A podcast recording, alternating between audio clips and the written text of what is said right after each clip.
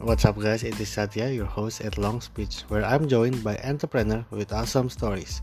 In this episode, we got Edward Chamdani. He will talk about how Idea Source started because of tennis, what he looks for in founder and company to invest, differences with other VCs with film fund and value investing. I hope you guys enjoy.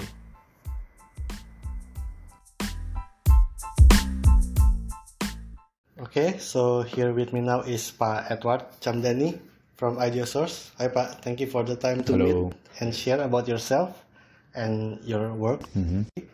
So kita pertama kali ketemu tuh kayak sekitar tahun lalu ya, Yeah. when we also met with this Malaysian startup. So how are you Pak? Good, good, good. Yeah, it's been very busy. Um, a lot of uh, opportunities uh, in the VC world. Uh, not surprising that you can find probably two to probably more opportunity daily. I see.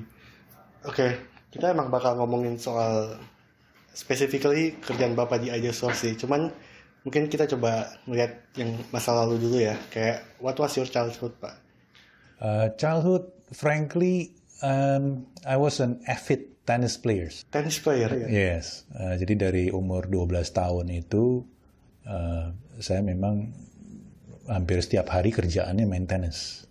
Karena memang orang tua sama semua anak-anaknya ini pemain tenis semua. As in professionally? Uh, yes, oh, uh, competitive tennis players actually. Jadi kalau dilihat angkatannya saya itu seperti uh, Bonit Wirawan, Dede Suhendar, uh, Abdul Kaharmin. Nah itu kan dulu-dulu pemain-pemain yang seangkatan sama saya ya. Dan ada satu lagi Glenn Sugita, itu juga sebelumnya pemain tenis juga pernah main untuk PON Jabar segala. Nah itu teman-teman tenis semua. Sampai sekarang masih kita- saya masih main tenis sih, tapi ya paling seminggu dua kali. Ya. Jadi kebetulan di satu generasi itu semua mostly jadi pemain tenis. Begitu, Pak? Em, bisa dibilang yang satu generasi saya mix ada yang terus menekuni bidang tenis ada yang menjadi coach. Jadi waktu umur saya 16 tahun saya sekolah di Amerika di Baylor School Chattanooga US nah kenapa saya ke sana? Sebetulnya karena kalau di Indonesia kan sekolah sama tenis olahraga nggak bisa digabungin. Nah, kalau kita di Amerika, mereka itu punya program eh, di setiap sekolah, lapangan tenisnya banyak, coachnya di- diberikan, kemudian juga eh, pertandingannya setiap minggu ada. Jadi akhirnya kita decide bertiga sama teman saya, Paul Sindunata, saya sama Robert Budiono, kita tiga-tiga ini pemain junior dulu. Oh, Jadi ada yang umurnya 15 tahun, saya ada yang umur 14 tahun, saya 16 tahun, kebetulan yang paling tua. Tapi paling handicap karena saya mulainya 12 tahun, teman-teman yang lain mulainya umur 8 tahun, umur 10 tahun udah main tenis, saya umur 12. Jadi kita sama-sama ke Baylor School Chattanooga, eh, saya 12 grade, yang Paul Sindunata dia 11 grade, Robert Budiono 10th grade. Dan sekarang bisa dibilang Robert Budiono sekarang menjadi coach, head coach di Milwaukee. Terus Paul Sindonata juga menjadi coach. eh, ada pemain-pemain dunia perempuan yang di coach sama dia. Nah, saya sendiri yang yang sekarang malahan bukan di tenis gitu. Jadi sebetulnya very grounded di tennis community bisa dibilang. Dan sebetulnya histori saya masuk ke venture capital juga karena pertemanan tenis. Glenn Sugita is one of the uh, managing partner, partnernya Patrick Waluyo. Itu teman-teman saya dari sejak saya dia umur uh, 10 tahun, 12 tahun itu. Karena dia bertanding, udah main dan sebagainya, saya masih nonton di pinggir. Tapi belakangan uh, ternyata akhirnya masuk ke bisnis karena dia sudah punya North Star. Jadi 2011 kemudian 2010 ya, 2010 Desember pas di ulang tahun kebetulan anak dari teman tenis bersama juga ya kemudian dia ngusulkan why don't you convert your idea source uh, digital company? Kan waktu itu masih konsultan sebetulnya idea source saya sama Pak Andi kan. Masih konsultan digital company kita customer kita tuh uh, Sinta Bubu uh, kapan lagi? Itu customer customer kita dulu. Jadi saya jadi konsultan. Ketemu Pak Andi kan juga sebetulnya karena waktu dia di Telkom. Saya sebetulnya sebelumnya setelah dari saya nggak apa-apa ya saya cerita eh, ini background. Jadi uh, setelah lulus IBM, saya bikin startup. Ada tiga startup yang saya buat. Satu exit, tapi waktu saya exit, syaratnya adalah saya harus jadi direktur di perusahaan tersebut. Oh, di perusahaan yang dibeli? Iya, yang membeli saya. Hmm. Ya, oh, iya. akhirnya saya jadi direktur di situ. 2010 saya keluar. Uh, kemudian saya bilang, aduh ini kalau saya bikin company lagi, nyari partner juga susah. Udah deh, saya jual diri dulu deh. Saya jadi konsultan. Nah, hmm. kebetulan PT POS sama Bakti Wasantara waktu itu memerlukan uh, saya. Ya, kemudian saya bantuin mereka bikin konsep uh, waktu itu lebih ke uh, PPOB ya, Payment Point Online Banking, setup di agensinya bagaimana dan sebagainya. Terus kemudian uh, si Pak Andi sama Bu Sinta lagi memerlukan orang juga untuk membangun plaza.com waktu itu kan. Jadi dia perlu konsultan yang bisa bantuin lebih di strategi dan uh, apa namanya uh, eh, KPI pengukuran dan sebagainya terus saya bantuin mereka nah di situ ada working relationship dengan mereka berdua cocok kemudian uh, saya keluar dulu kan jadi keluar dulu kemudian Pak Andi juga keluar dari sana kita bangun idea source terus Desember 2010 ketemu dengan Pak Glenn Sugita kemudian enam bulan kemudian visi idea source terbentuk kira-kira bulan Juni 2011. Jadi Audio Source it's from a consulting company to VC. Yes. Yes. Uh, shiftingnya gimana itu Pak dari? Nah, tesisnya sebenarnya gam, uh, si Pak Glenn waktu itu ngomongnya mudah sekali dia bilang uh, karena mungkin memang dia punya akses ya ke berbagai macam investor community, jadi uh, dia punya pattern. Nah patternnya itu di negara-negara lain biasanya once you reach certain number of 3G subscriber di handphone ya, di mobile phone, ya mobile 3G, itu uh, growth-nya nanti akan eksponensial. Nah, waktu itu saya ingat angkanya kira-kira 30 atau 40 juta. Di 2010 akhir atau 2011 awal masih 30-40 juta di Indonesia. Nah, dia bilang begitu ini sudah uh, peaking nanti naik dari sisi number of uh, mobile 3G dan ternyata benar timingnya pas banget itu. Cuman ada yang lebih canggih, East Ventures 2009 udah mulai deh. Tapi East Ventures dari Jepang ya, setahu saya? Iya, karena um, salah satu foundernya kan Batara Ito ya. Dia exit Mixi-nya dia kan jadi Facebooknya Jepang kan. Nah dari situ dia punya dana, ya memang dia punya punya close community yang memang sudah punya success story di Jepang. Dia tinggal replicate di Indonesia bersama Pak Wilson Cuaca kan. Menarik ya, yang tadi Bapak ngomong soal peaking 3G itu uh, itu emang di seluruh negara-negara iya, begitu? Karena uh, bisa terbukti kan sekarang aplikasi yang mobile base ini mendrive semuanya sampai ada istilahnya namanya super apps kan. Hmm. So anyone that control the super apps yang consumption dari semua user ini melototin mobile phone ini itu yang menentukan siapa menjadi pemenangnya. Seberapa sering dia dilihat, seberapa sering dia dipakai, itu akan menentukan siapa pemenangnya. Terbukti. Nah, jadi kan Bapak bikin pas tahun shiftnya pas tahun 2011 ya? Kira-kira. 2011 terbentuk di mana komitmen dari dananya itu turun dari teman-temannya Pak Glenn juga masuk ke kita. Jadi sifatnya itu masih angel investment. Jadi we start with only like probably 2 million US gitu ya. Kemudian kita start the the ventures. Terus dapat jackpot waktu itu. Kita investment pertama kan ke si Touchstand kan. Touchstand the mobile developer. Uh, Touchstand game ya, game si Anton, si Rocky, Dede, mereka bertiga kan. Jadi uh, waktu itu mereka masih belum mempunyai uh, nama seperti sekarang kan. Tapi karena backgroundnya Pak Andi, memang dia di kreatif dan advertising. Kemudian juga ada si Pak Andreas yang dulunya di uh, detik.com, sekarang sudah di Kumparan jadi mereka punya media dan strategi untuk how to bring certain news to the public the right way. Nah, jadi waktu itu Touchstand langsung di blast masuk ke media dengan angle story yang sudah pas. Yaitu the first and the only Indonesian game developer that reached top 10 in iTunes. Jadi kita bantuin boost dari sisi media uh, angle-nya itu pas sehingga si Anton ini menjadi media darling. Oh, secara PR-nya udah oke. PR-nya udah ya. Jadi Source itu selain kita masukin dana, kita bantuin mereka untuk mendapatkan angle menjadi media darling. Dan ketemu pas si Anton juga memang suka ketemu dengan media kan akhirnya ya uh, karena dia makin kuat di media banyak dikenal banyak investor yang mau masuk. Akhirnya sahamnya kita dibeli sama waktu itu sama salah satu venture dari Singapura. Nah di situ menjadi jackpot pertama kita di investment yang pertama kali jadi rookie of the year-nya kita lah istilahnya. Nah, karena itu akhirnya jadi ada investor lain akhirnya masuk ke fundnya kita. Nah, di situ baru kita membentuk formal uh, fund structure. Jadi dari angel buat langsung ke formal fundnya lumayan cepat ya langsung. Uh, sebetulnya um, komitmennya itu kita dapat setelah mungkin dua tahun lah ya. Jadi exit setelah mungkin satu setengah atau dua tahun gitu. Terus kemudian tinggal menserap fundnya aja secara formal. Tapi waktu ekspektasi Bapak sendiri pas pertama kali dari consulting, shifting ke angel, tuh kayak kira-kira ekspektasinya apa buat um, in the whole visi-visiannya?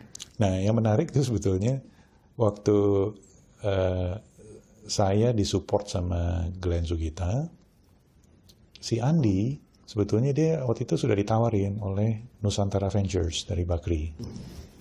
Jadi uh, ya di situ Pak Andi akhirnya milih udah deh sama-sama sama saya gitu ya kita bikin. Waktu itu kan yang yang Nusantara Ventures kan ada Bu Sinta dan sebagainya ya. Tapi sama dia lebih milih ke saya. Uh, ya mungkin kalau dia gabung ke Nusantara mungkin juga Nusantara masih ada. Nggak tahu nggak tahu juga. Tapi memang value-nya Pak Andi ini sangat sangat uh, tinggi terutama di awal-awal ya karena dia kan lebih native daripada saya di sisi uh, this industry dan lebih dikenal juga. Uh, saya sangat kuat di enterprise di uh, karena background saya kan IBM, jadi network saya itu lebih banyak memang di solution provider, system integrator, seperti itu kan. Tapi Pak Andi dia lebih kuat di consumer, jadi saya belajar banyak consumer sama dia. Pak Andi banyak belajar ke saya dari sisi enterprise payment, fintech dan sebagainya itu memang areanya saya. Jadi kita saling isi, compliment. That's about uh, it's all about the complementary value sebetulnya di partnership. Dan kalau startup biasanya punya value yang overlap terlalu banyak, mereka ribut biasanya. Sama, divisi juga sama. Nah terus pas tahun 2011, um, menurut Bapak kayak teksinnya gimana kalau dibandingin sekarang? Kayak 2011 masih early banget ya buat Indonesia. Hmm, hmm ya, ya betul betul. Jadi uh, dulu tuh sebetulnya kita masih benar-benar blank. Ya, to tell you the truth, karena kita nggak punya investment banking background. Term sheet pertama yang kita write ke Tasland, eh, coming from Google. Download dari Google. Jadi template gitu ya? template, template-nya Google lah. Kemudian kita lihat mana yang paling bagus kita pakai. Terus eh, Kemudian kita cek kan, uh, saya tanyain ke Pak Glenn, ini gimana nih term sheetnya nih? Wah, if you can, if you can uh, let the uh, startup sign this term sheet, uh, bagus banget. Dan memang bagus banget, lengkap semuanya kan, ada liquidation preference, ada tag along, ada drag along, ada segala macam terms di situ ya main di tanda tangan aja sama si sama sama si Anton Rocky dan teman-teman gitu kan terus ada yang lucu itu satu ada clause namanya redemption. Which means? Jadi di situ ada clause di mana kalau misalnya ada sesuatu terjadi dengan Tasten kita sebagai investor itu berhak untuk meridim balik dananya kita. Sesuatu terjadi as in bad way berarti. Bisa juga nggak? Karena redemption itu kalau nggak salah itu termsnya sangat loose. Dan dia tanda tangan. Jadi kita sebagai VC nggak tahu dia sebagai startup juga nggak tahu nah, ambigu gitu ya? Ya it means nothing karena we don't understand. We are not coming from the investment banking background kan? Jadi VC yang uh, kejebur aja gitu. Nah lucunya waktu itu saya sama Pak Andi ketemu sama investor dari Korea. Terus dia lihat wah ini menarik nih. Terus dia baca term sheetnya. Oh, you have this redemption clause. Kita nggak ngerti artinya apa. Jadi akhirnya karena nggak ngerti, nah kita bilang udah kita take out aja deh redemption clause-nya gitu. Oh, kita take out. ya jadi uh, apa namanya karena kecebur akhirnya ya karena kita one of the probably the second yang memang fokus benar-benar di venture capital along the time kita belajar banyak dan bisa dibilang memang pengalamannya Ideosource ini berbagai macam permutasi investment visi structure sampai menserap uh, fund di Indonesia kita pernah alami. Jadi bayangin venture capital mana di luar maupun di Indonesia yang punya dana ventura di lokal. Cuman kita. Interesting. Terus kalau menurut Bapak sendiri, kalau uh, visi apakah yang aku tahu sih dia bisa complement each other, as in ada yang lead sebagai lead buat investnya, hmm. ada juga yang ya di belakang kan. Berarti sebenarnya visi nggak bisa dibilang kompetitor dong? Hmm, bisa ya, bisa enggak ya. Jadi ada beberapa, terutama waktu zaman masih 2013, 14 itu uh, ada beberapa yang investi yang kita karena prosesnya kita kan lebih lebih agak lama ya. Kita maksudnya decisionnya pada saat itu investment committee-nya bukan hanya saya sama Pak Andi. Jadi ada ada yang lain juga. Jadi setiap kali kita mau invest, kita mesti balik ke belakang, ngobrol sama investment committee kita baru dapat approval. Nah, saat itu East Ventures sudah punya lebih agile. Jadi kalau ketemu sama Wilson cuaca dia bisa langsung invest anytime cepet gitu. Nah jadi ada ada beberapa yang kita invest yang uh, mau kita invest tahu-tahu sudah kelibas duluan gitu ya. Uh, tapi ada juga yang memang kita invest terus malahan kita gabung sama Convergence, sama East Ventures, sama AMJ, sama yang lain itu kita gabungan untuk manage resiko karena masing-masing venture capital punya value masing-masing kan. Gitu. Itu ada beberapa juga. Terus biasa kalau dari pengalaman Bapak, how do you get the lead? Is it by you reaching out or biasa mereka yang nyamperin? Hmm, waktu awal-awal 2012 karena kita masih baru, jadi kita yang coba reach all the startup. Jadi kita taruh di website kita, kita menerima proposal, terus kita bikin roadshow Jakarta, Bandung, Surabaya, Malang, Jogja. Uh, kita ketemu ke masing-masing kan. Terus kemudian kita bikin workshop di Jakarta dengan konsep lebih ke kayak inkubasi gitu ya dalam selama enam bulan, kemudian kita kasih dana, uh, tapi nggak berhasil. Jadi itu kita belajar bahwa bisnis inkubator itu not for everyone. Hmm. Ya, uh, dananya terlalu kecil, startupnya juga belum ready.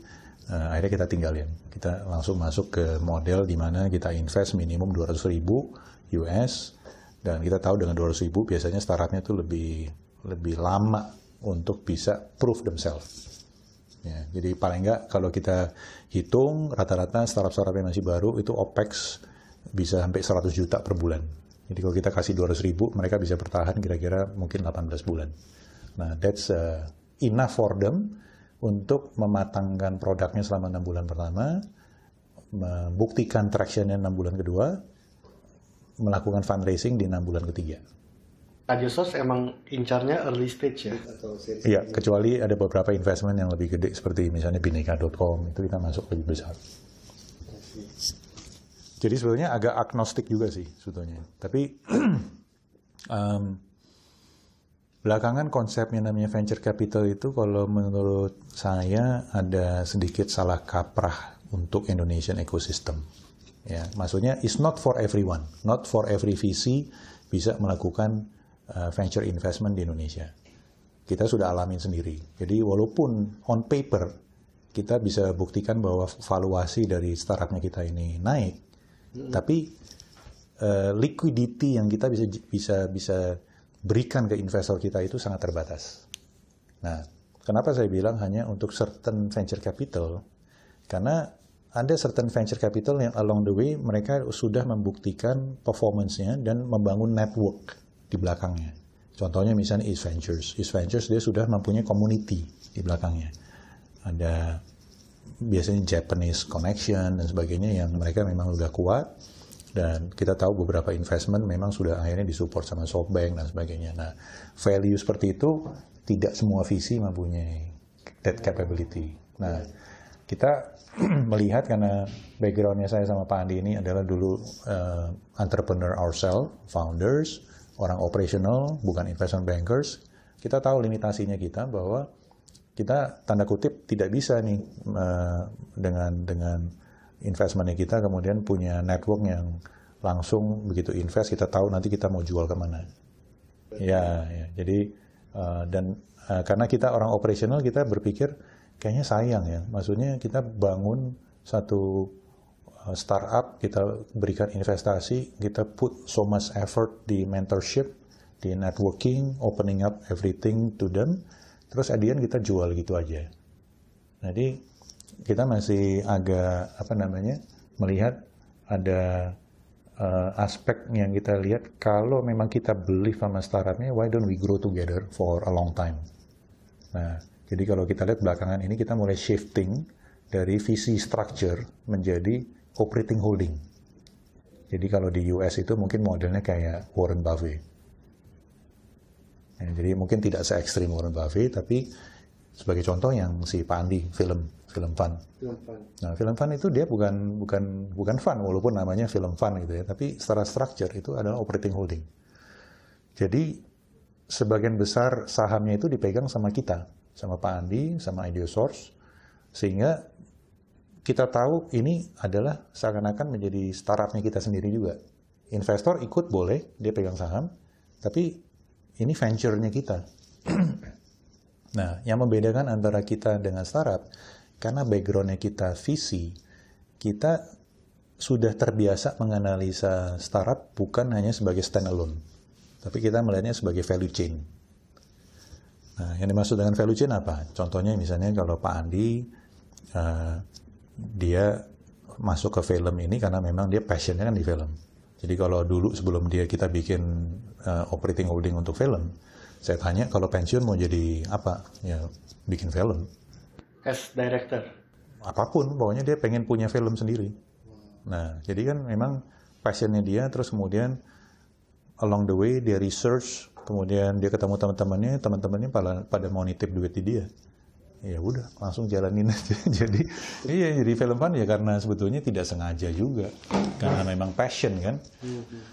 Um, jadi uh, pola yang sama sebetulnya nanti akan kita replikasi di dalam Ideosource juga. Uh, sektornya pun juga akhirnya belakangan kan banyak dibilang, oh sekarang Ideosource masuknya ke venture debt, ke financing. Nah itu sebetulnya bagian saya, itu nanti. Ya memang sekarang kita lagi inkubasi, modelnya sama, kita sudah tidak mau membentuk yang namanya fund lagi. Kita akan bentuk yang namanya operating holding, dan sektor yang memang saya sudah research selama dua tahun terakhir ini itu di agriculture. Jadi kalau kita lihat, Kenapa tadi saya bilang banyak venture capital salah kaprah di Indonesia dengan pola yang dicontek dari Silicon Valley. Kalau kita lihat Silicon Valley ini kan is all about research, about PhD, about patent, about uh, conquering the world, ya kan? Sedangkan Indonesia kita kan pasar. Do we have infrastructure for those scientists to flourish? Nggak ada, ya kan? Jadi kalau kita mau invest di VC type of startup, Uh, bisa, tapi terbatas. Dan kita mesti tahu limitasinya kita. Jadi sebetulnya apa sih yang besar di Indonesia ini sebetulnya adalah brick and mortar, conventional business.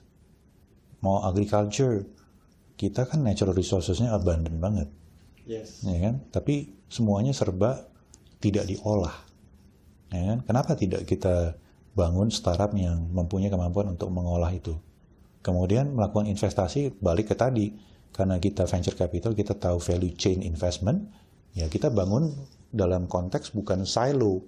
Kita bikin satu startup, kemudian nanti tujuannya untuk dijual. Enggak, kita bangun satu startup yang tujuannya mengisi value chain dari hulu ke hilir, yang seakan-akan kita kayak membangun konglomerasi, tapi multi stakeholder. Ya, contohnya misalnya agriculture. Kalau tadi si Pak Andi, dia invest di film itu, pertama dia masukkan mendanai film jadi dia bekerja sama dengan produser. Setelah dia danai, dia belajar di situ, kemudian dia masuk ke membantu digital marketing dari si para uh, produser. Karena dia punya that capability, digital marketing dan sebagainya, dia punya arms, namanya IdeaWorks. Terus setelah dua ini berhasil, kemudian dia lihat, ini kok industri nggak punya data sama sekali sih. Kemudian dia buat startup namanya Cinepoint. Cinepoint. Cinepoint itu, jadi kalau misalnya kita ke bioskop, oh, ya, terus kita scan uh, tiket stubnya kita, terus kita bisa kasih rating, it's all about data. Ya, kan? Nah, terus kemudian setelah ini jadi, dia nanti akan masuk ke, uh, dia lihat ini kan semua produser udah saya dana ini, masa cuma segini sih playernya? Saya buat sendiri deh. Nah, kemudian dia danain si Robert Roney, dia bikin joint venture. Jadi dia bikin namanya Paragon. Ya kan? Nah, setelah ini jadi, dia lihat nih ada satu lagi nih. Licensing kayaknya opportunity ini bagus. Nah, dia bikin another company licensing. Nah, jadi tadi kan pertama dia masuk ke fintechnya dulu. Terus kedua, infrastruktur untuk digital marketing dia bantuin. Data kemudian dia bantuin. Kemudian yang keempat dia bikin studio sendiri. Kemudian kelima dia bikin uh, licensing IP, ya kan? Lima ini. Sekarang kita reflect ke strategi yang berikutnya nih, ya venture venture debt. Sektornya agriculture. Saya akan masuk di fintech. Kita udah mulai inkubasi satu startup yang memang dia memerlukan dana untuk membayar si petani sehingga dia bisa menjualnya langsung ke off taker di tengah kita making money. Ya, itu satu. Petani buka pintu semuanya, orang kita punya dana, ya kan? Terus kemudian yang Kedua, ternyata selama proses kita danain ini, petani ini dia cuma mikirin, udah saya taruh kelapanya saya di pinggir kali, urusan kamu nanti mau ngapain. Nah, ternyata infrastruktur logistiknya itu juga masih parah.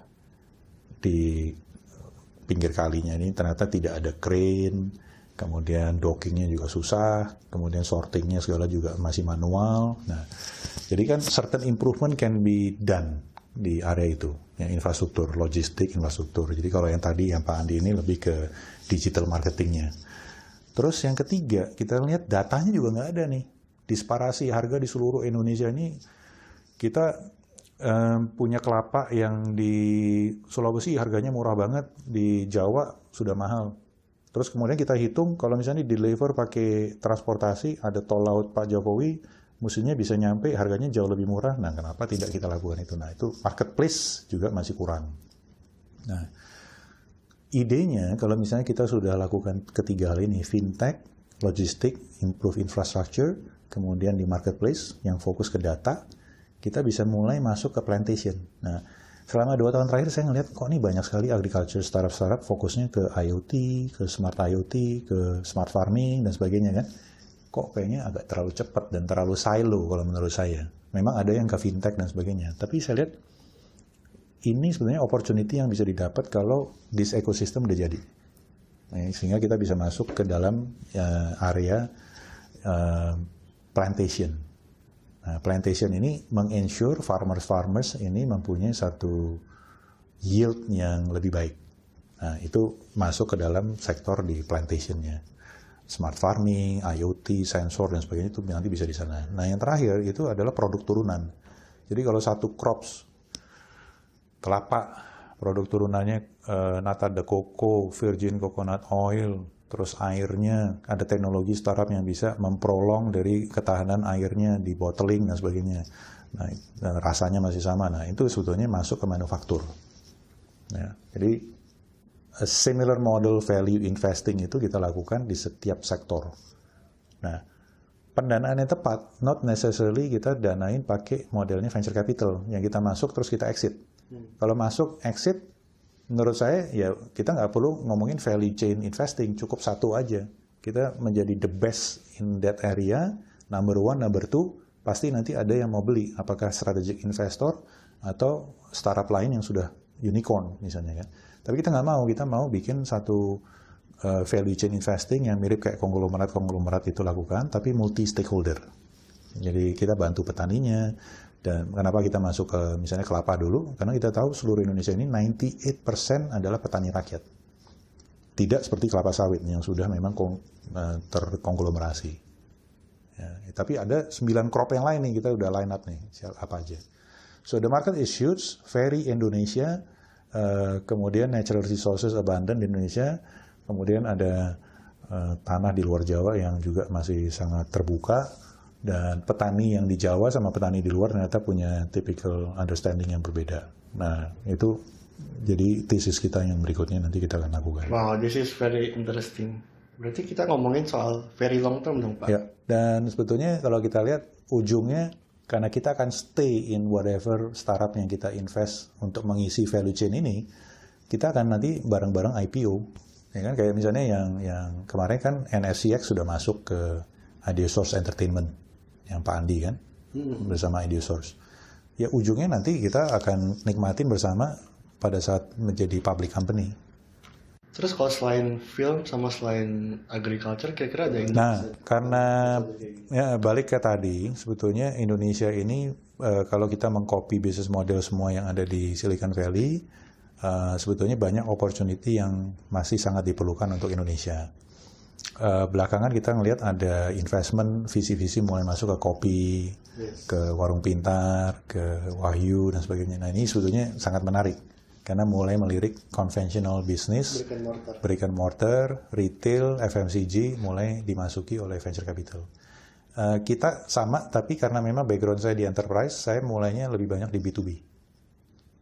B2B, jadi agriculture tadi kan B2B kan. Yes. Nah, tapi nanti satu saat saya akan masuk juga ke B2C. Hmm, langsung ke end customer. Ke end customernya, tapi polanya lebih ke hulu sampai ke hilirnya. End to end. Ya, seperti itu. Tapi multi stakeholder ya, bukan konglomerasi. Terus kemudian um, sektor lain sebetulnya di Indonesia ini ya balik kayak tadi kita kita mengacak ke mana yang memang nature-nya uh, core asetnya ada di kita maritim ya laut kita gede banget itu juga masih untouched oleh visi investment yeah. ya kan maritim ya Misalnya ada saya tahu teman saya dia tangkap tuna di daerah Ambon, Ambon Seram gitu ya. Nah, dia udah ngelihat kelilingin di sekitar Maluku ini dalam setahun penuh itu ada migrasi yang memang sudah bisa didata. Jadi dia tinggal sebetulnya bikin kayak center-center untuk processing, packaging di situ. Dia udah data, mungkin ada tujuh center yang dia mesti buat di sana. Setiap hari dia perlu dana, saat ini aja udah satu setengah M per hari. Bantuin. Nyari bantuin. Jadi dia sebetulnya kita masuk dalam konteks venture debt udah bisa langsung mulai, ya kan? Terus kemudian aquaculture kita sudah masuk e-fishery juga kan? Nah, e-fishery. Nah itu sebetulnya juga menarik karena uh, ada teknologi yang untuk improve uh, pertambakan misalnya untuk shrimp, untuk ikan dan sebagainya. Belum kita nanti masuk ke poultry dan sebagainya. Jadi ada beberapa startup juga menarik yang fokus ke poultry, pakai IoT dan sebagainya. Tapi kembali mesti ada value chain yang memang kita bantuin. Terus FMCG, nah itu juga uh, kita mulai explore juga untuk kayak innovation lab yang nantinya ke produk-produk ke kuliner dan sebagainya. Nah itu kita sudah mulai juga. Nah dari semua ini core masuknya ya di fintech. Interesting. Terus tahu bapak yang lakuin ini cuman baru idea source dibanding visi-visi yang lain? Iya sih, yang yang paling nggak yang yang dari understanding saya saat ini ya, ya masih kita sih. Berarti kalau buat yang tradisional visi asset invest di startup-startup, uh, Ajusus udah nggak terlalu fokus ke yang kayak gitu atau masih ya. tetap? Karena kita sudah mempunyai konteks di fintech, sekarang jadi jauh lebih menarik lagi karena semua startup yang datang ke kami itu langsung kacamatanya lebih ke venture debt. Oh gitu. Mm -mm. Jadi makanya sekarang banyak juga institusi pemerintah yang dia memberikan grant ke berbagai macam startup. Mau Backcraft, dia ada lima sektor kan, ada apps, games, eh, aplikasi, aplikasi sama game, ada kuliner, ada kriya, ada fashion, ada film. Ya, ada lima. Bahkan kemarin waktu kita bikin film fun, itu kan kita kick off-nya bersama dengan Backcraft juga. Hmm. Terus Ristek, Ristek Dikti, mereka juga sudah tahun keempat kalau nggak salah mendanai grand-grand startup-startup yang fokus di research. Nah, itu sebenarnya startupnya juga banyak yang bagus-bagus, cuman pemikirannya pure dari aspek research, perlu dibantuin, apakah sama inkubator atau venture capital, untuk supaya mereka tahu cara mengcommercialize those idea atau those patents. Ya. Kan? Terus kemudian ada lagi di sisi uh, Kementerian Industri, uh, Kementerian uh, Kominfo. Nah, Kominfo juga untuk daerah 3T. Daerah 3T itu daerah tertinggal ya. Ya, mereka startup-startup yang fokus ke daerah tertinggal, lahan gambut dan sebagainya itu juga banyak opportunity di sana. Jadi kita ngeliat, ini pemerintah udah kasih grant. Setelah mereka selesai dikasih grant, di incubate 1-2 tahun, terus and then what? Siapa yang bantuin? Nggak ada. Nggak ada yang bisa bantuin. Bank belum bankable mereka.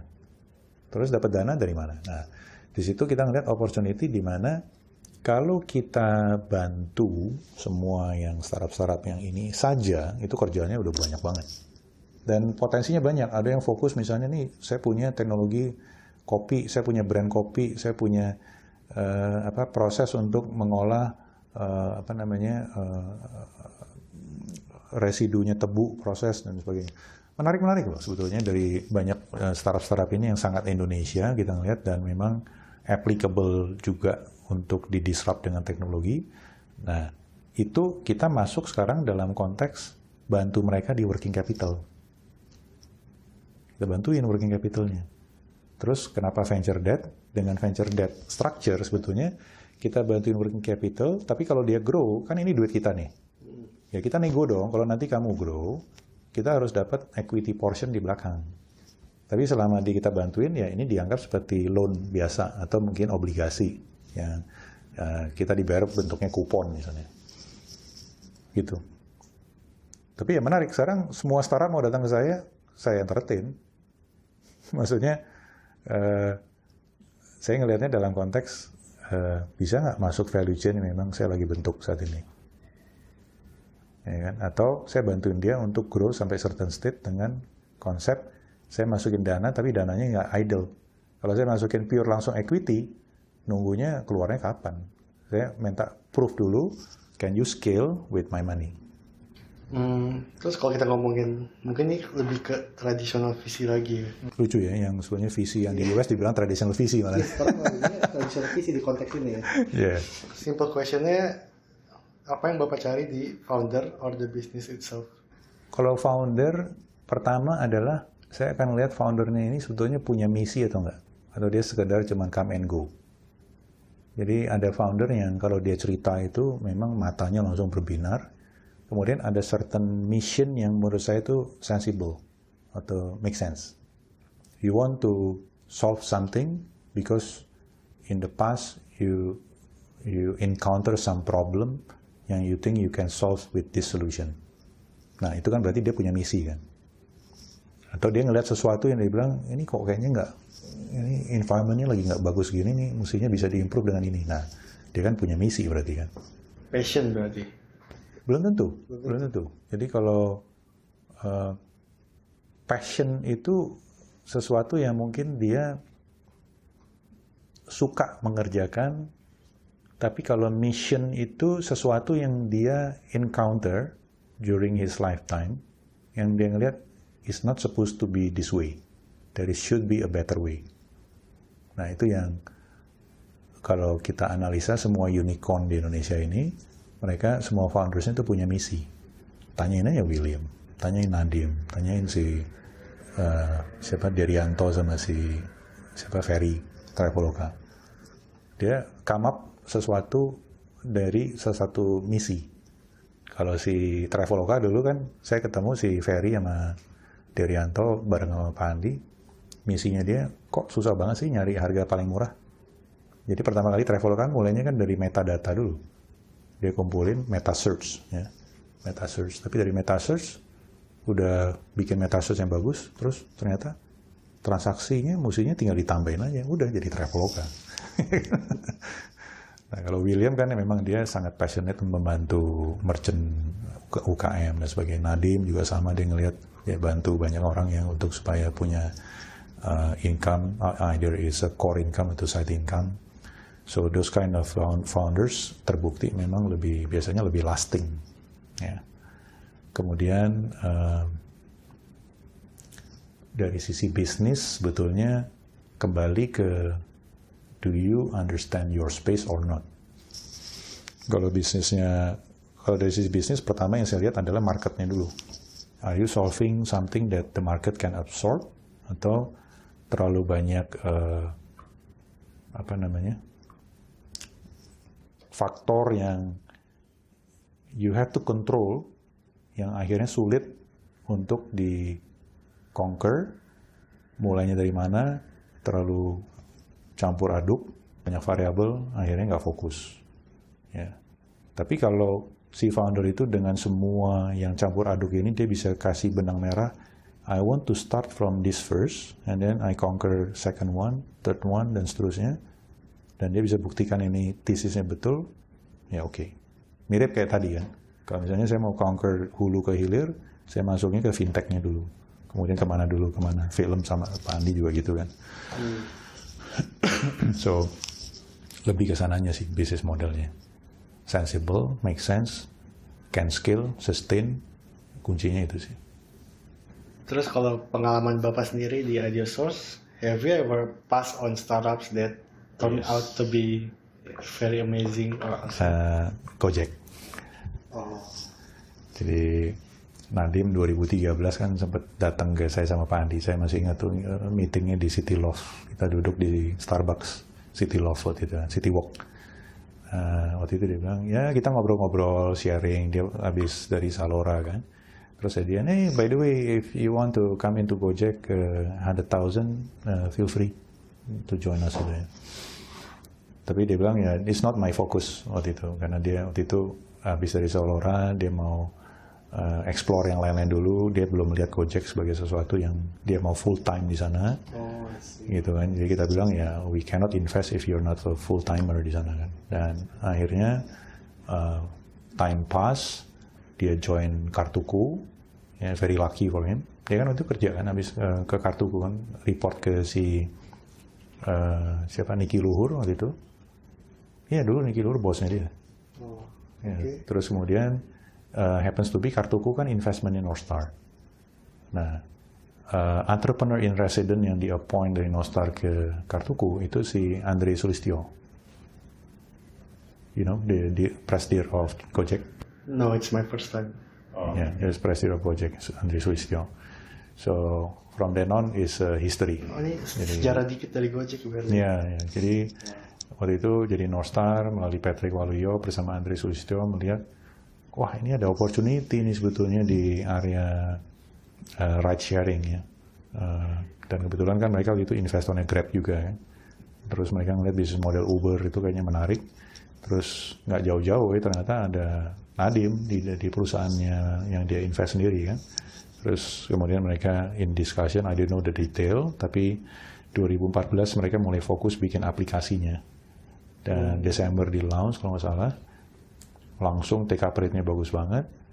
Februari mereka launch uh, GoFood, semua kompetitor mati pada saat itu. ClickIt mati, Foodpanda juga susah, uh, segala macam yang pesan delivery juga akhirnya nggak bisa compete sama mereka karena they have become the, the de facto uh, platform.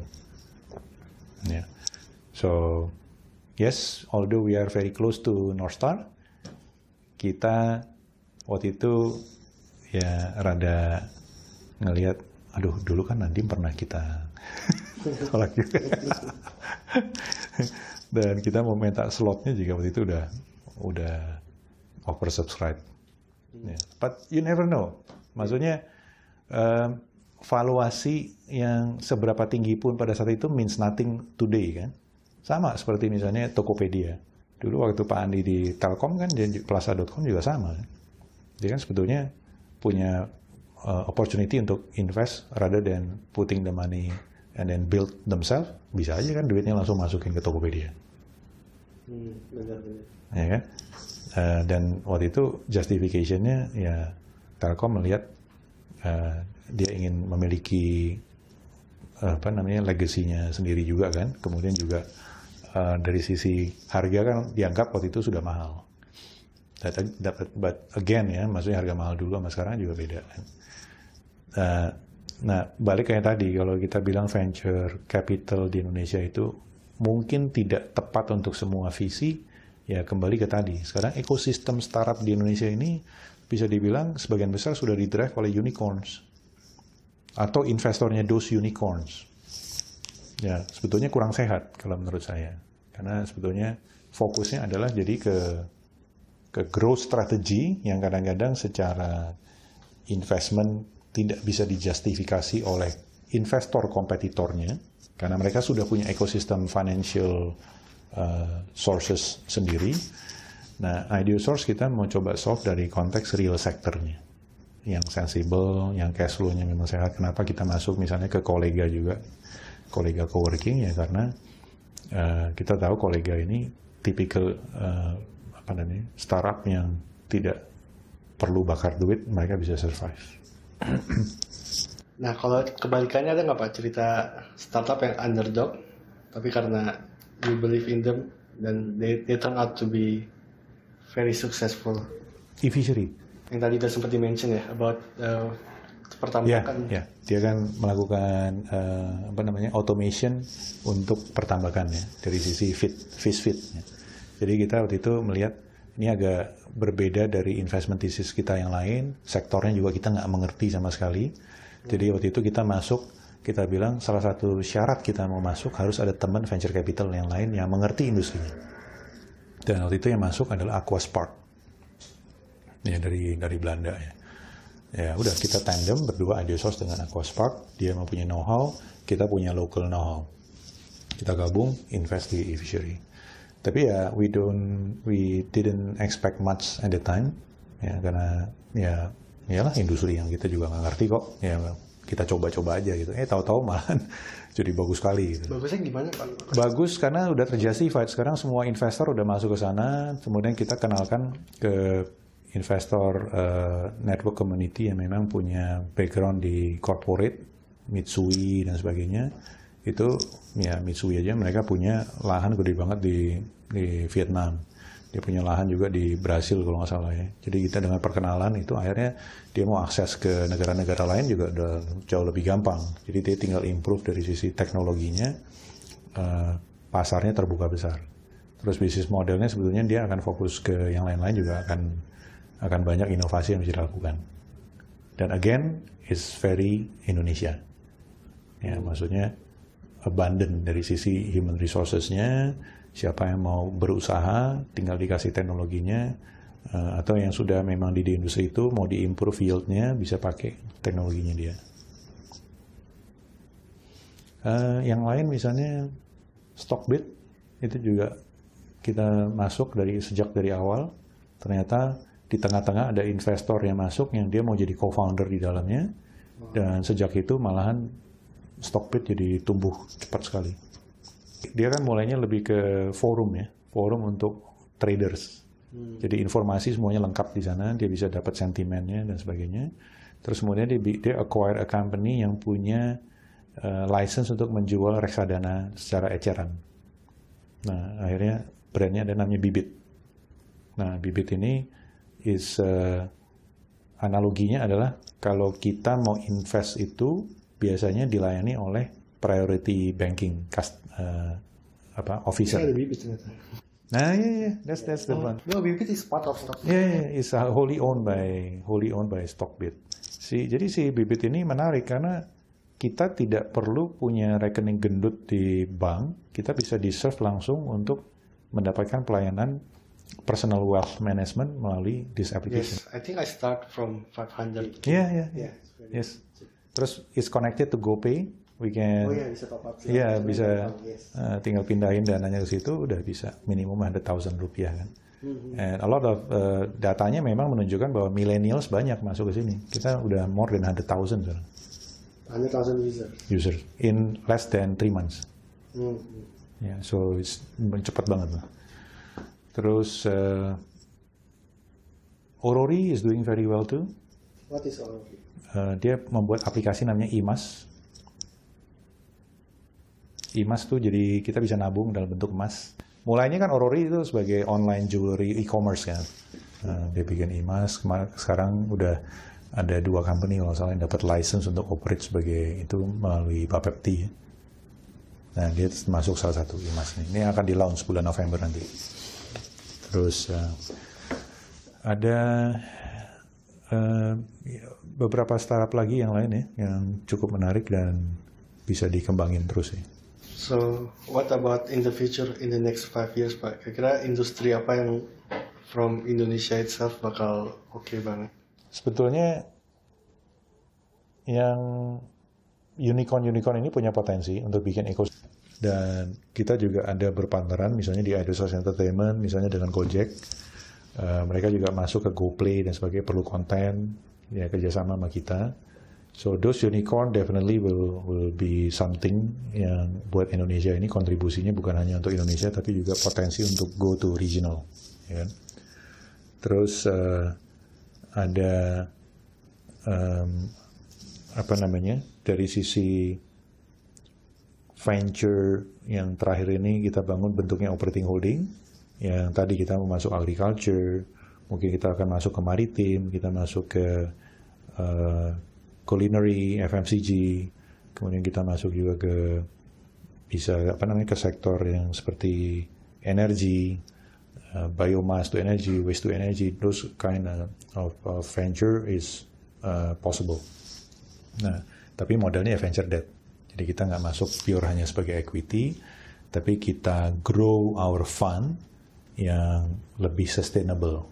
Jadi bukan based on jackpot yang kayak tadi ya from end to end terus long term tinggi. Yes, yes. Karena kasihan investor kita kalau ekosistemnya on paper harganya tinggi tapi nggak ada liquidity kan ya uh, kita mesti ada path untuk ke IPO sehingga sahamnya menjadi currency dan kita juga perlu ensure startup-startup ini cash flow-nya juga memang bagus. Hmm. Nah kalau di US aku pernah dengar cerita about Mailchimp. Hmm. Company-nya dia nggak ada outside funding, terus iya. nggak yeah. ada interest buat exit in any way, nggak mau di IPO, nggak mau dibeli oleh company apa pun, hmm. terus kayak selalu profit. Kalau di Indonesia kira-kira mungkin nggak pak? Ada. ada ruang guru. Ruang guru bisa Iya. Yeah, yeah. Bukannya ada funding? Ada pak? ada funding, tapi dari dari double digit, uh, low end double digit sampai triple digit dia cuma sekali. Oh, berarti cuma seed funding? Enggak, udah lumayan lah. Mungkin pre-series atau series A gitu ya. Tapi habis itu dia sampai valuasi yang triple digit. Dia itu duit sendiri. Ya, uh, millions of millions of US per month revenue-nya. Ya, subscription base kayak gitu yang yang is a sweet spot juga buat Indonesia. Nah, sekarang if you could invest in any private companies in the world right now, hmm, yang sudah atau yang akan? Yang akan. Yang sudah besar atau ya, masih kecil? Let's say yang kecil satu, yang besar Jadi satu. ada satu uh, satu company yang yang unfortunately itu kakak saya sendiri. Namanya Turing Sense. Jadi dia di Silicon Valley base. Jadi kita nggak pernah klaim ini uh, portfolio. portfolionya Ideosource karena ya kakak saya sendiri kan. Jadi kalau saya masukin dari fund kan konflik of interest kan. Tapi saya ajakin semua LP-LP-nya Ideosource untuk masuk di situ. So karena dia uh, sangat apa brainy, PhD dari Georgia Tech, kemudian dia kerja untuk Sun Microsystem. He led 120 PhD and scientist di ultra di di Sun Microsystem waktu itu masih uh, yang Ultraspark 4 prosesor. Jadi dia memang backgroundnya lebih di prosesor ya, bikin prosesor. Nah, habis dia keluar, dia bikin startup namanya uh, Sanera. Sanera. Jadi is a SAN switch. Jadi kalau switch untuk di TCP IP dia sendiri, tapi kalau uh, switch untuk di antar server itu namanya SAN. Jadi storage area network, ya kan. Nah dia bikin box appliance untuk uh, storage area network, namanya Sanera, dan improve to be 2.5 faster than any switch di saat itu. Ya, jadi patennya dia. Nah, terus dibeli perusahaannya sama uh, MacData. MacData beli Sanera. Terus dia bikin venture kedua namanya Kickfire. Kickfire is another appliance untuk data analitik. Nah itu juga sama, dibeli sama Teradata. Jadi ini is a proven founder, dua kali exit di Silicon Valley. My, my elder brother, ya saya nomor tiga, dia nomor dua. Nah, venture ketiga dia bikin namanya Turing Sense. Jadi Turing Sense ini, ya Turing Sense itu dia produknya namanya Pivot. Nah, dia bikin sensor yang kalau misalnya kita pakai Apple kamera eh, apa Apple ini kan dia ada ada gyro, ada sensor yes. accelerometer dan sebagainya. Nah, ini ditweak sama dia algoritmanya sehingga sensornya itu ditaruh di badan. Badan mungkin memerlukan kalau full body semuanya 15 sensor. itu dia bisa extrapolate untuk langsung muncul di handphone kita atau di iPad atau di komputer, notebook dan sebagainya in almost real time. Latensinya sekarang mungkin masih 200 millisecond. Ya, dia pakai protokol dari WiFi yang ditweak supaya bisa cepat 15 sensor langsung communicate ke handphone ini gerakannya full di capture jadi 3D motion capture in real time tanpa harus ada kamera nah ini dia sekarang lagi implement bikin yang namanya yoga suit and pants jadi dia kerjasama sama manufacturer di China. Dia bikin under brand either Gap Lululemon atau uh, apa namanya ada Gap apa namanya Ali Aleta atau apa gitu Atleta. Nah itu dia brand-brand nanti kerjasama sama mereka, dia bikin. Jadi kalau nanti mau latihan yoga, even beginners, dia bisa latihan langsung di depan iPad-nya dia atau depan komputer atau depan TV yang dikonek ke notebooknya dia atau uh, handphonenya dia. Gerakannya semuanya sudah dibantu sama AI. Jadi karena si sensornya udah capture, dia bisa mencontoh gerakan dari instruktur yang sudah direkam sebelumnya.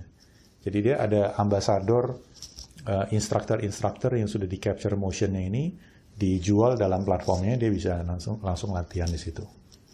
Nah itu jadi meng, me, apa ya membuat virtual coaching possible. Mulai dengan yoga dulu. So uh, it's, it's well funded. Dia sekarang lagi diinvest sama Hong Kong Venture Capital yang sangat dekat dengan Sequoia China. So hopefully it, this will will grow uh, apa benar-benar ke consumer mass global.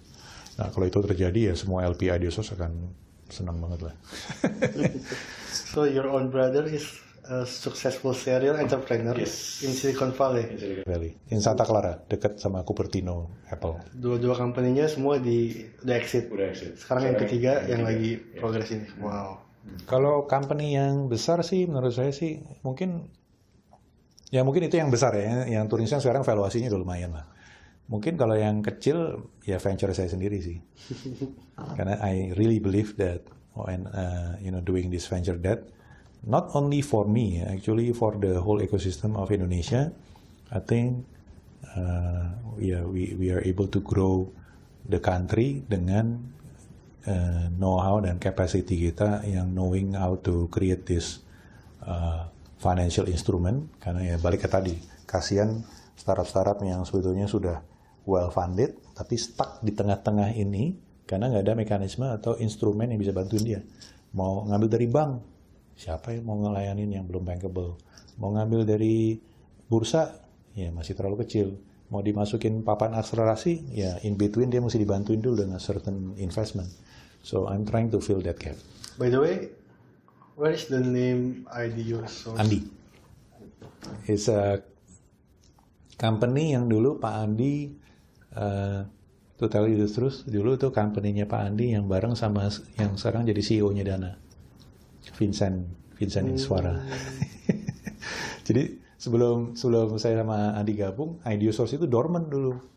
Cuma nama doang. Cuma nama doang, nangkring PT-nya di Singapura, nggak nggak beroperasi terus domainnya masih ada ya udah habis itu dipindah-pindah semuanya udah kita mulai dengan Ediverse kalau dipikir-pikir I guess it makes sense for you to be VC karena udah pernah jadi founder jadi operator terus pernah jadi consultant. Mm-hmm. but how do you advise for people yang less experience untuk what do they need to be a good VC oh untuk masuk menjadi venture capital? Yes. I think venture capital knowing ya balik ke tadi ya if you don't have a experience in in managing money uh, mungkin penasehat investasi mungkin pernah kerja di investment banking pernah kerja di wealth man uh, di di asset management uh, uh, at least one of the partner should have that background hmm. kalau mau repeat ya yeah, kalau mau repeat what uh, I did dengan Pak Andi, it's really difficult. Karena uh, network untuk mendapatkan investor itu ya you have to be in that industry for many years. Untuk dapat that trust not easy. for me and Andi untuk to to dis, to to talk with the terms terminologi uh, dan dan teman-teman yang memang benar-benar di di capital market dan sebagainya itu baru kita dapatkan kan paling baru 3 4 tahun terakhir. Ya kan? Nah, jadi kalau mau ngulangin apa yang saya sama Pak Andi lakukan, kebetulan saya juga memang di back sama teman saya sendiri kan yang memang punya know-how di situ. Jadi it's not an easy industry, not for anyone. Tapi kalau you assemble the right partner dan akses, mestinya sih bagus. Yeah. Dan sebetulnya ada juga beberapa yang memang backgroundnya dari investment banker, mereka mau coba jadi VC. Sebaliknya, dia juga kesulitan karena nggak punya investment thesis, belum pernah running operation, nggak ngerti landscape uh, industrinya, sektornya. Uh, jadi kadang-kadang malahan si startupnya agak annoyed karena dia berasa dia nggak belajar dia cuma dapat financial support aja tapi networknya nggak dibuka nggak bisa jadi mentor nggak bisa jadi uh, apa bring value other than just money gitu. malah kadang-kadang annoyed dari aspek risk management. Ya. Itu sih. Lucu juga ya kalau sampai startup yang dikasih duit malah annoyed sama yang kasih duitnya gara-gara ya suka terjadi. Kadang-kadang dia nanti di next roundnya akan dipersulit atau dia uh, karena dia mungkin backgroundnya lebih di banking dia ngelihatnya lebih ke risk management. Hmm. terus minta laporannya macam-macam merepotkan si startup bisa aja terjadi. Oke. Okay. yeah I think we have talked for about an hour. Just for closing I have this uh, little game I think hmm. so I will mention a few variables Sure. And and you rate it with okay. zero being not relatable mm-hmm. and ten being very relatable to you. Mm-hmm. Okay, first uh, hard work. Ten. Okay. Network, bro. Seven or eight lah. Yeah, because when talking investment banking, I may not be as good as the memang native di industri itu. What?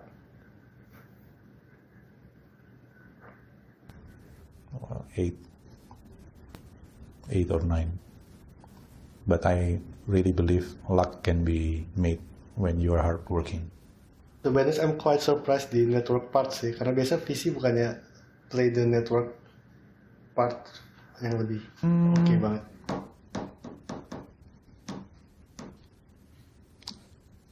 Saya selalu ngelihat dari sisi when you're a VC, tapi network di source of fundingnya kurang, yeah, you're not doing a good job. Selama ini idea source, we know what we are doing, tapi akses ke capital, uh, we are not in that industry. Jadi sebetulnya sekarang sih udah oke okay sih, sekarang udah okay. Hmm. Cuman kita nggak, saya nggak mau klaim bahwa 9 or 10 ya. Do you have any book recommendation? Uh, buku buat saya itu agak personal ya. Jadi saya lebih banyak capture saya sangat suka sama flipboard. Jadi saya lebih suka dapat insight langsung yang short short short gitu ya. Terus kalau buku yang benar-benar uh, inspired me itu sebetulnya malahan ke tenis. Oh buku sebuah tenis. Buat tenis karena tenis is actually a small world yang mereflect actual world. Ya karena you do a competition uh, menang kalah itu tergantung pada akhirnya pada saat kompetisi kalah menang itu ujungnya adalah you, whether you can conquer yourself or not. Nah itu ada buku yang sangat bagus yang waktu saya masih bertanding rutin kompetitif tenis uh, namanya Inner Game of Tennis by Timothy Galway. Nah, Inner Game of Tennis. Inner Game of Tennis. Terus kemudian ternyata bukunya jadi berkembang lagi ada inner game of golf, inner game of business dan sebagainya. Tapi core-nya itu awalnya inner game of tennis. Dan kebetulan saya itu kompetisi banyak di tenis. Nah, akhirnya belajar banyak pada saat kompetisi menerapkan apa yang saya baca itu. Jadi uh, kuncinya itu satu. Um, balancing between your right brain and left brain. Jadi kalau right brain itu intuisi, left brain itu analitik. And then how you combine this itu banyak pengaruh nanti akhirnya sampai how you control your own ego. Nah kalau misalnya di tenis misalnya uh, you reach a certain level, terus kemudian you want to compete with someone else, you think of the past. in the past I beat this guy or I can play a certain standard terus kemudian pas main wah ini kayaknya lagi jelek dan sebagainya kemudian you are you are mad to yourself and then inflicting your ego. Kemudian right brain sama left brain ini mulai berantem. Nah itu mulai kacau. Nah gimana how you detach that jadi antara left brain sama right brain ini bisa bisa benar-benar uh, balance uh, kemudian kerjasama bagus. Dan itu terjadi kadang-kadang di tanah yang namanya zoning. You play as though you know you never wrong. Nah kadang-kadang di sehari-hari kita juga hari terbaik kita itu terjadi seamlessly tanpa kita mikir tahu-tahu kok kayaknya hari ini lancar banget ya. Nah, ternyata itu bisa dilakukan setiap hari kalau misalnya kita melakukan mengerti mengenai hal tersebut gitu. Jadi certain things misalnya judgment segala itu jadi judgment itu ya kadang-kadang karena of our past tapi belum tentu judgment kita saat ini based on our past itu betul. Nah, hmm. yang yang kayak gitu-gitu tuh cukup dalam lah. Ya, terus terang ya memang saya agak filosofis sih mana itu. so where can people go if they are interested about Ideosource or about yourself? Nah, masuk aja ke ke website kita. Email biasanya kalau uh, mau throw in anything, go to portfolio at ideosource.com email. Ya portfolio at user.com nanti itu langsung masuk juga di handphone saya. Saya biasanya langsung dapat notifikasi bisa baca. Thank you very much Pak Edward for your time. Yes.